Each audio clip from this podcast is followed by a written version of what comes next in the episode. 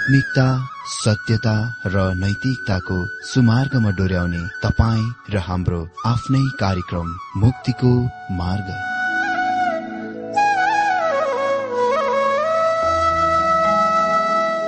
आदरणीय श्रोता यस मुक्तिको मार्ग कार्यक्रममा हार्दिक स्वागत छ। आशा छ यस आत्मिक कार्यक्रमद्वारा जीवनमा आत्मिक आशिष अलौकिक शान्ति र आनन्द प्राप्त गर्नुहुनेछ। र जीवनमा धन्य अनुभव गर्नुहुनेछ। आउनुहोस् श्रोता। मन र आत्माको तयारीको लागि यो मिठो अनि मधुर भजन गीत सुनौ।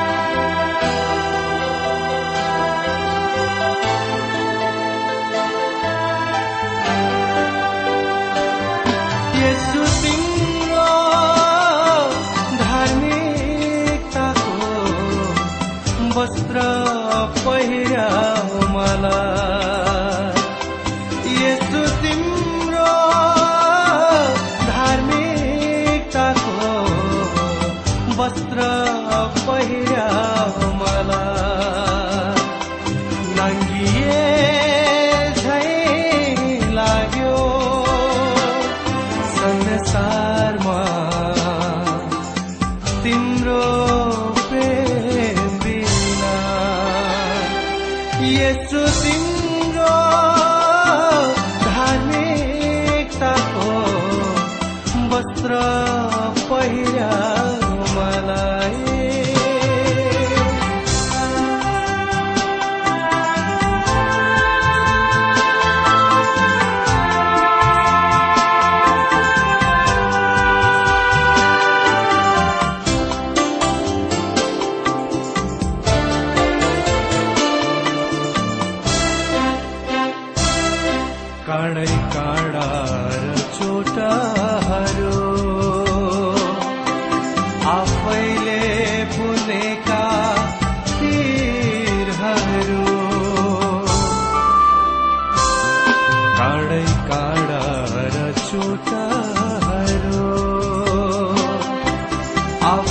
बोले का पीर हरो ये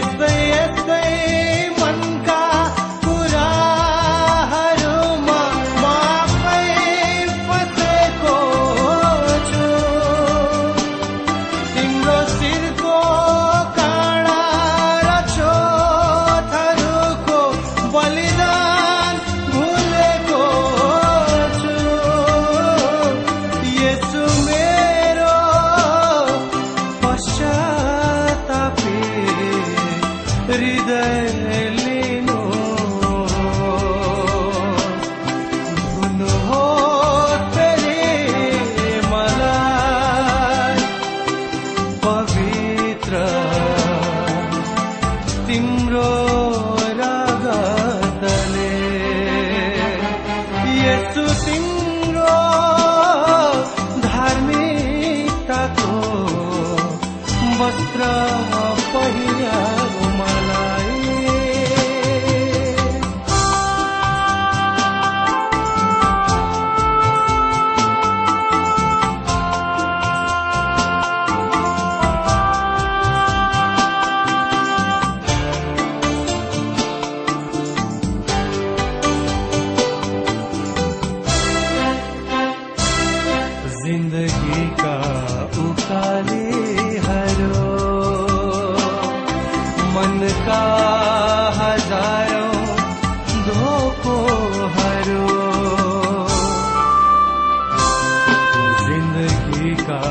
ukali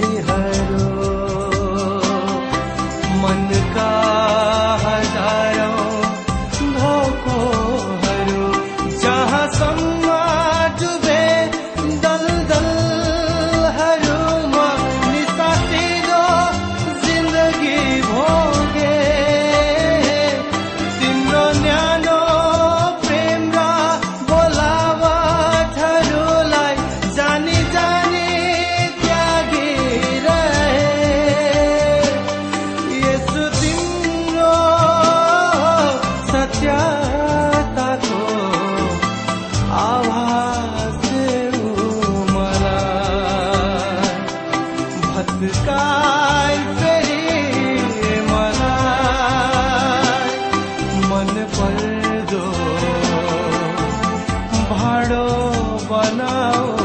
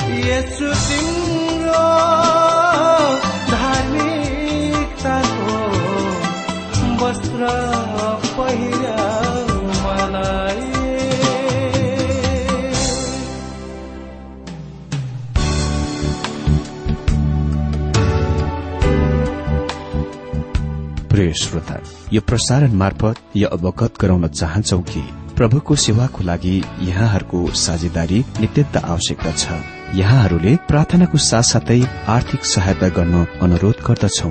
तपाईँहरूको सानो भन्दा सानो भेटी किन नहोस्? हामी प्रभुको नाममा स्वीकार गर्नेछौ प्रभुको सेवाको लागि।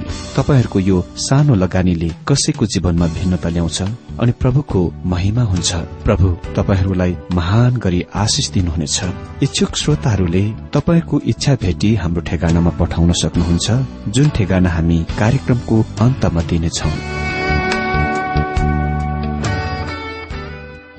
प्रिय श्रोता मित्र अघिल्लो दिनमा हामीले यहुदा एक अध्यय बाह्र तेह्र पदबाट अन्तिम दिनहरूमा आधुनिक सत्य विश्वास त्यागी शिक्षकहरूको वर्णन परिभाषा र तिनीहरूका विशेषताहरूको बारेमा देखिरहेका थियौं। आज पनि यही विषयबाट एक अध्यय चौधदेखि सोह्र पदबाट अध्ययन गर्नेछौ। यो शास्त्रको पानामा अर्को अति नै धेरै उल्लेखनीय अनुच्छेद हो। अनि यो खालि यहाँ यहुदाको पत्रमा मात्र देख्छौ। एक अध्यय चौध र पन्ध्र पदमा लेखिएको छ। आदमदेखि सातौं पुस्तासम्म हनोकले पनि यी मानिसहरूका विषयमा यस्तो अगमबाड़ी बोलेका थिए।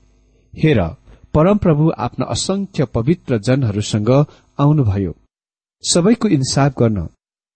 सबै मानिसहरूलाई दण्ड दिन जसले अधार्मिक रीतिले भक्तिहीन कार्यहरू गरेका छन्।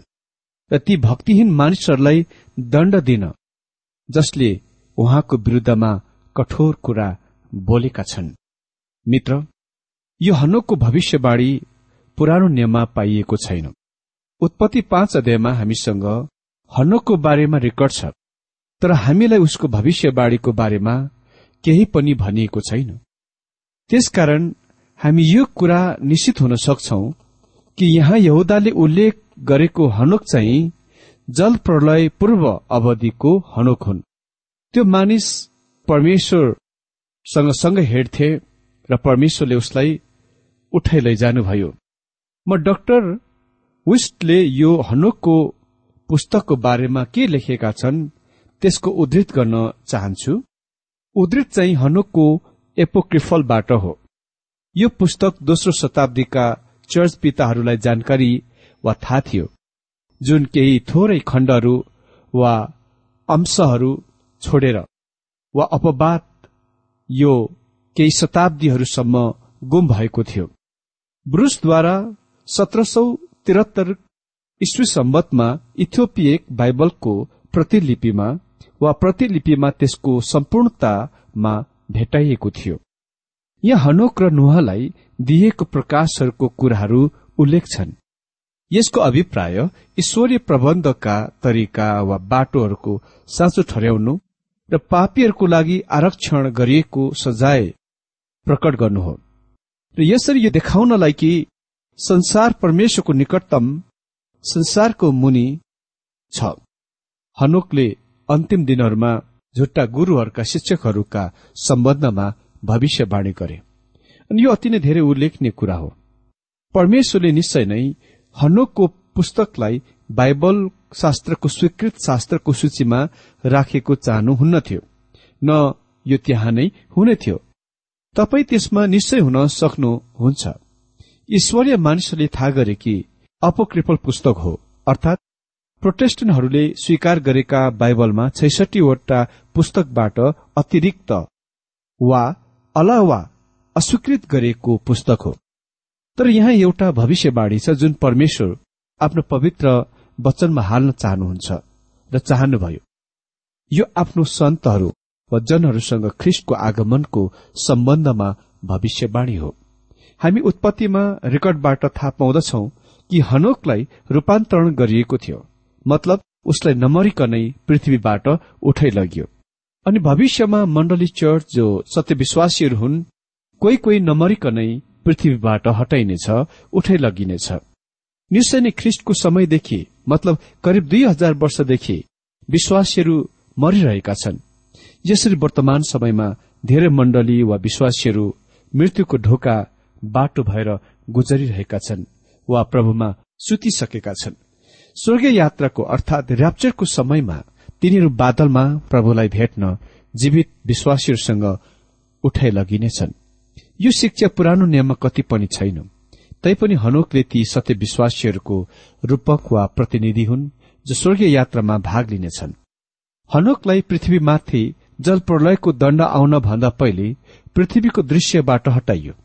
अनि मण्डली जो सत्य विश्वासीहरू हुन् पृथ्वीमाथि महाक्लेशको दण्ड शुरू हुनुभन्दा पहिले बादलमा प्रभुलाई भेट्न यो पृथ्वीबाट उठाइ लगिनेछ। अहिले महाक्लेशपछि प्रभु येशु ख्रिस्ट पृथ्वीमा फर्किआउनुहुनेछ। तर स्वर्गीय यात्रा जसलाई हामी अंग्रेजीमा ऱ्याप्चर भन्छौं त्यसको समयमा उहाँ तल पृथ्वीमा आउनुहुन्न। तर सत्य विश्वासीहरूलाई उहाँलाई भेट्न बादलमा उठाइ लगिनेछ। जब हामी भन्छौ स्वर्गीय यात्रा ऱ्याप्चर ख्रिसको दोस्रो आगमन हो। अनि यदि यसको तात्पर्य हामी यो लगाउँछौ कि त्यस समयमा नै ख्रिस्ट पृथ्वीमा आइरहनु भएको छ भने हामी सही कुरा भनिरहेका छैनौं। यो गलत कुरा हो। स्वर्गीय यात्रा वा ऱ्याप्चर चाहिँ सत्य विश्वासीहरूले बनेको मण्डलीलाई पृथ्वीबाट हटै हटै लाने कुरा वा उठाइ लगिने कुरा हो। त्यसपछि मुखले मात्र विश्वासीहरू भई टोपल्ने असत्य र बोक्रे विश्वासीहरूले बनेको सदृश्य मण्डली पृथ्वीमा छोडिनेछ। त्यो पूर्ण रूपमा विश्वासबाट प्रस्थान गर्नेछ। र महाक्लिस अवधिमा प्रवेश गर्नेछ।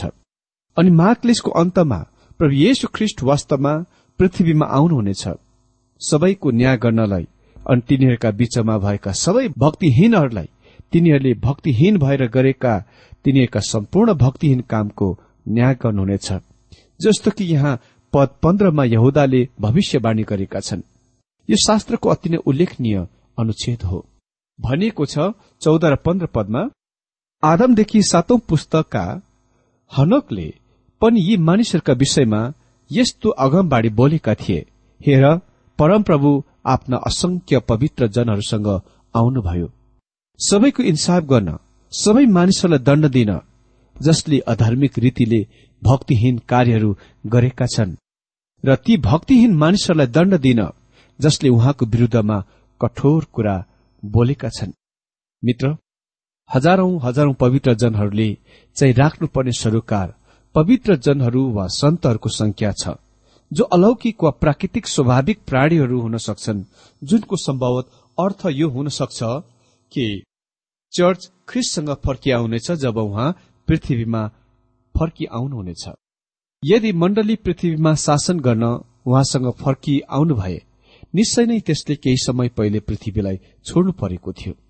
तपाईँले स्वर्गीय यात्रामा ऱ्याप्चरमा विश्वास गर्नुपर्छ। यदि तपाईँ विश्वास गर्नुहुन्छ कि ख्रिष्ट आफ्ना सन्तहरूसँग पवित्र जनहरूसँग पृथ्वीमा फर्की आइरहनु भएको छ। सबैको न्याय गर्नु। जब ख्रिष्ट पृथ्वीमा वापस फर्की आउनुहुन्छ उहाँले न्याय गर्नुहुनेछ। यसो स्वयंले आफ्नो जैतुन प्रवचनमा यो भन्नुभयो। यो परमेश्वरको वचनमा पटक पटक उल्लेख गरिएको छ अनि हामीले यसको पुरानो नियममा पनि देखेका छौं। तिनीहरूका बीचमा भएका सबै भक्तिहीनहरूलाई तिनीहरूले भक्तिहीन भएर गरेका तिनीहरूका सबै भक्तिहीन कामहरूको विषयमा दोषी ठहराउनलाई। तिनीहरू यस अर्थमा भक्तिहीन छन् तिनीहरूले परमेश्वरलाई छोडे त्यागे। अनि त्यो नै कुरा आज अति नै प्रचलित कुरा हो। तिनीहरू भक्तिहीन भएर गरेका तिनीहरूका भक्तिहीन कामहरूको विषयमा। हजुर वास्तवमा तिनीहरूका कामहरू परमेश्वर विरोधी छन्। भक्तिहीन पापीहरूले उहाँको विरोधमा बोलेका तिनीहरूका सबै कठोर वचनहरूको विषयमा दोषी ठहराउनलाई। अमित्र यी कुराको न्याय गर्न उहाँ पृथ्वीमा आउन गइरहनु भएको छ। अहिले यो हनुकको भविष्यवाणी अति नै महान भविष्यवाणी हो जुनले संगठित मण्डली चर्चमाथि न्याससँग व्यवहार गर्नेछ जुन सत्य मण्डलीको स्वर्गीय यात्रापछि ऱ्याप्चरपछि पूर्ण रूपमा सत्य विश्वास त्यागमा जानेछ। मित्र स्वर्गीय यात्रा वा ऱ्याप्चरले मण्डलीलाई पृथ्वीबाट माथि स्वर्गीयमा उठाइ लैजानेछ सत्य विश्वासीहरूले पृथ्वी छोड्नेछ र बनौटी बोक्रे विश्वासीहरू यो पृथ्वीमा नै छोडिनेछ र त्यहाँ नै हुनेछन् जब त्यस दिनमा मानिसहरूले न्याय गर्न फर्की आउनुहुन्छ उहाँ। सोह्र पदमा भनिएको छ फतपताउनेहरू असन्तोषीहरू आफ्ना कु इच्छा अनुसार हेर्नेहरू घमण्डी कुरा बोल्नेहरू र लाभको निम्ति मानिसहरूको चाप्लुसी गर्नेहरू यिनै हुन्। यहाँ सत्य विश्वास त्यागीहरूको पाँच थप पहिचानहरू छन्। तिनीहरू गनगन गर्नेहरू हुन्। गनगन गर्नेहरूको मतलब गुनासोहरूको गुनगुनाउनु हो। यो सारो शब्दमा सारो आवाजमा होइन तर धीमा शब्दमा आवाजमा परमेश्वरको विरूद्ध गुनगुनाउनु हो कुडकुडाउनु हो। दोस्रो शिकायत गर्नेहरू। तिनीहरू जीवनमा आफ्ना भाग्यको बारेमा शिकायत गरिरहेका छन्। कहिले पनि सन्तोष र सन्तुष्ट हुने छैनन्। यदि तिनीहरूले परमेश्वरलाई थाहा गर्दछन् भने तिनीहरूले तिनीहरूका जीवनमा घटेका हरेक कुराहरूको लागि उहाँलाई दोष दिन्छन्। मैले धेरै त्यस्ता पत्रहरू पाएको छु जसले मलाई भन्दछन् कि तिनीहरू आफ्नो भाग्यसँग अति नै धेरै असन्तुष्ट र बेखुसी थिए। त्यसपछि तिनीहरू जब तिनीहरू ख्रिस्का आए त्यो सबै कुरा परिवर्तन भयो। अनि सत्य विश्वास त्यागीहरूको अर्को विशेषता यो हो तेस्रो तिनीहरू आफ्नै अभिलाषाहरूका पछि हिँड्छन्। यी अभिलाषहरू असल वा खराब दुवै हुन सक्छ। अभिलाषहरू सबै निज प्रकारको अनैतिकता हुन् भन्ने कुनै कुरा छैन। यो कुरा हुन सक्छ कुनै कुरा हुन सक्छ जुनले परमेश्वरलाई छोड्दछ त्याग्दछ। यो नौका ख्याउने कुरा कुनै खेल खेल्ने कुरा हुन सक्छ। यो असल संगीत हुन सक्छ वा साहित्य हुन सक्छ वा धर्म पनि हुन सक्छ जुनमा तिनीहरू निश्चित सन्तुष्ट पाउँदछन् तर तिनीहरूका हृदयहरूमा चाहिँ तिनीहरू असन्तुष्ट छन्। चौथो तिनीहरूका मुखले बढाइ चढाइ गरेका कुराहरू बग्दछन्। यसको मतलब तिनीहरू फाल्तु र अभिमानीहरू अहंकारीहरू हुन्। तिनीहरू अमित वय भाषा प्रयोग गर्छन् जुन ठूला कुराहरू हुन् तर त्यससँग कुनै विषय वस्तु छैन। मैले एकजना राजनीतिज्ञले अन्तर्वार्ता दिइरहेको टीभीमा हेरिरहेको थिएँ। उसले अति नै महान र धेरै आधुनिक शैलीहरू अभिव्यक्तहरूको प्रयोग गरे जुनको आज अत्यन्त परिश्रम गरिन्दछ। जब उसले आफ्नो वार्ताको सिद्ध्याए मैले उसले भनेका कुराहरूको विश्लेषण गरे र थाहा गरे कि उसले केही खास कुरा भनेका थिएनन्। उनी खालि कुरा मात्र गरिरहेका थिए। उसले कुनै कामहरूप्रति आफै स्वयंलाई दायित्व स्वीकार गरेनन्। आज त्यहाँ सेविकाईमा त्यस्ता धेरै छन् जोहरू पनि त्यसरी बोल्दछन्। पाँचौं तिनीहरूले फाइदाका निम्ति मानिसहरूका झुटा प्रशंसा गर्दछन्। तिनीहरू अरूहरूलाई प्रशंसा गर्नमा माहिर हुन्छन्। तिनीहरूले धेरै त्यस्ता कुराहरू भन्छन् जुन सत्य हुँदैनन्। किनभने तिनीहरूले मानिसहरूप्रति तिनीहरूका पदोन्नति तिनीहरूका फाइदाको लागि हेरिरहेका हुन्छन्। तपाईँलाई यादै होला। याकुबको पत्रले यसको बारेमा भन्ने केही कुरा छ? याकुब दुई अध्यय एकदेखि चार पदमा हे मेरो भाइ हो महिमाका प्रभु अर्थात हाम्रा प्रभु येशु ख्रिष्टमाथि तिमीहरूको विश्वास बिना पक्षपातको होस्।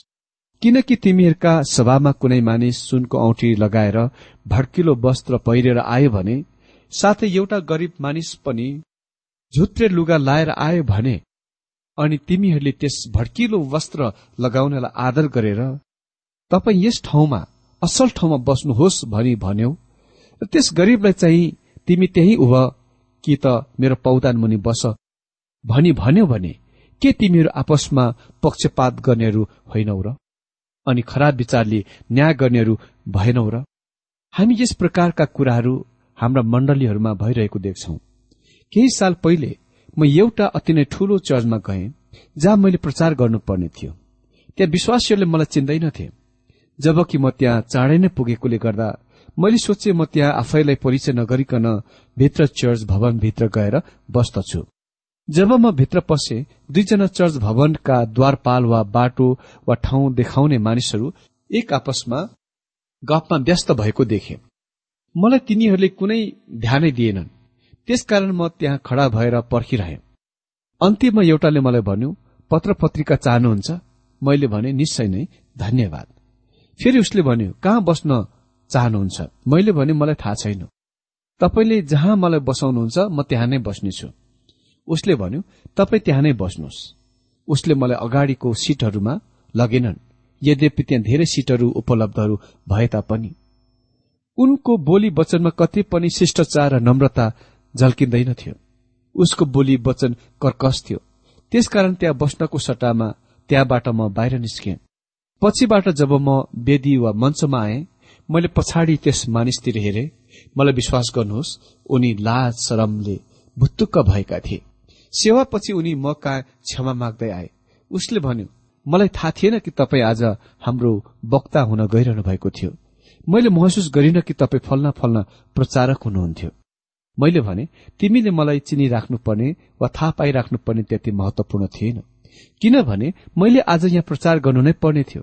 चाहे तिमीले मलाई भित्र देऊ या नदेऊ तर मेरो विचारमा तिमी द्वारपालहरू बाटो वा ठाउँ देखाउनेहरू नौलो मानिसहरूलाई बस्ने सिट दिनु पर्दछ र तिनीहरूसँग मित्र भावमा पेश आउनु पर्दछ मेरो मित्र विश्वासहरूको नातामा हामीसँग निश्चय नै फाइदाका निम्ति मानिसहरूको प्रशंसा हुनु हुँदैन तैपनि म यो कुरा थाहा गर्छु कि यो मनोव्रति दुवै चर्चहरू र निश्चित ख्रिस्टियन स्कूलहरूमा विराजमान विद्यमान भएका।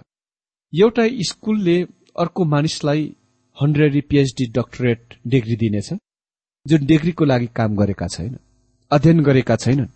अनि त्यस डक्टरेट डिग्री पाउने व्यक्तिले त्यस स्कूलबाट मानिसलाई पनि डक्टरेट डिग्री दिन्छन् जसले उसलाई पनि डक्टरेट डिग्री दियो। अनि यो उही प्रकारका कुराहरू कहिलेकाहीँ धेरै प्रचारकहरूद्वारा पनि अभ्यास गरिन्छ।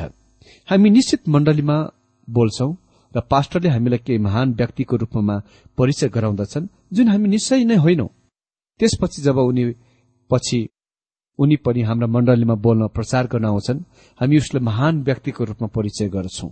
चाहे उहाँ महान व्यक्ति होस् या नहोस्। मित्र मेरो विचारमा हामीले त्यस्तो विधि तरिका वा अभ्यासको प्रयोग गर्नु हुँदैन। किनभने यो इमान्दारिता होइन अनि त्यो नै सत्य विश्वास त्यागीहरूको विधि हो। तिनीहरू परमेश्वरतिर हेर्दैनन्। तिनीहरूलाई एक दिन भविष्यमा प्रभुले स्याबास तिमी असल विश्वासयोग्य सेवक भन्नुहुने कुरामा कति पनि वास्ता राख्दैनन्। तिनीहरू बरु मानिसको प्रशंसा पाउने कुराको वास्ता र ख्याल राख्छन्। परमेश्वर आजको यो बाइबल अध्ययनद्वारा हरेकलाई धेरै धेरै आशिष दिनुभएको होस्।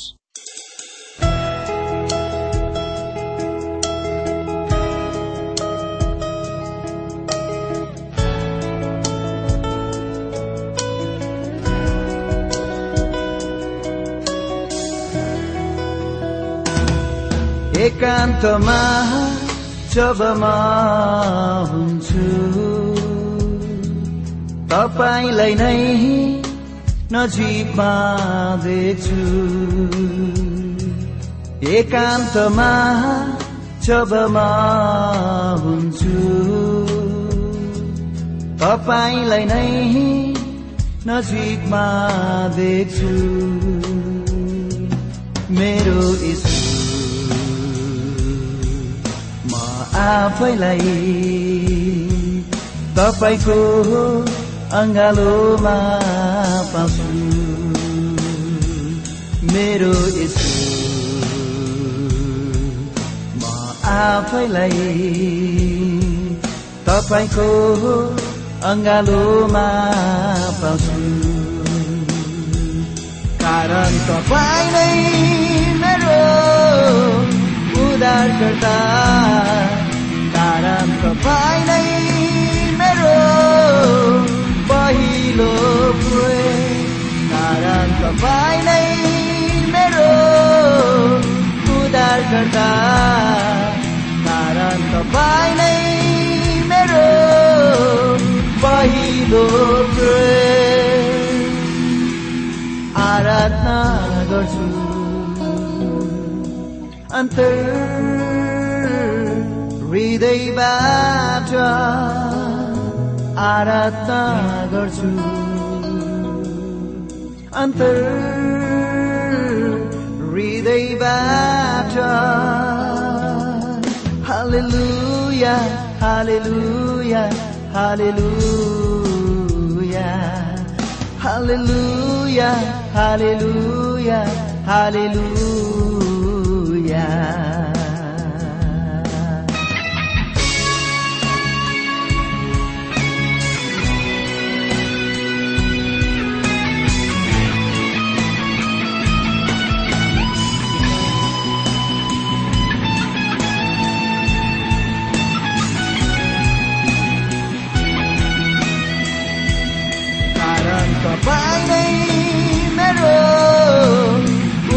उद्धारकर्ता कारण तपाईँ नै मेरो पहिलो प्रेम कारण तपाईँ नै मेरो उद्धारकर्ता कारण तपाईँ नै मेरो पहिलो प्रेम आराधना गर्छु। अन्तर हृदयबाट आराधना गर्छु। अन्तर हृदयबाट हालेलुया हालेलुया। हालेलुया Hallelujah, hallelujah, Haleluya, haleluya, haleluya Haleluya, haleluya, haleluya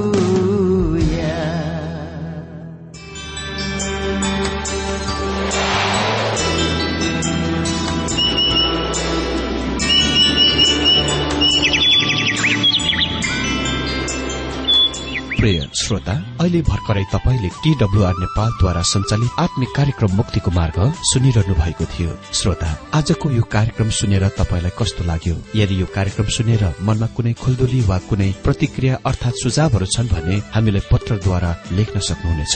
हामी हृदयदेखि नै स्वागत गर्नेछौ स्वीकार गर्नेछौ साथै बाइबल सम्बन्धित प्रचारहरू कार्यक्रम सारणीहरू हामी अनुरोधमा पठाउन सक्छौ। अनि तपाईँसँग कुनै प्रार्थनाको विषय छन् भने हामीले तपाईँको लागि प्रार्थना गरेको चाहनुहुन्छ भने प्रभुमा आफ्नै परिवार सम्झेर हामीलाई पत्रमा लेख्न सक्नुहुनेछ।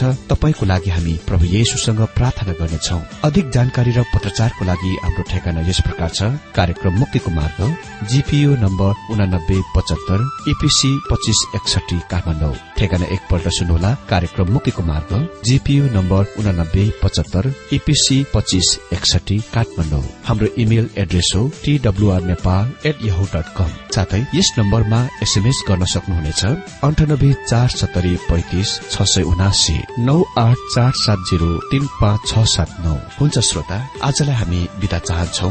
अर्को कार्यक्रममा हामी पुनः भेट्नेछौ तबसम्मलाई नमस्कार।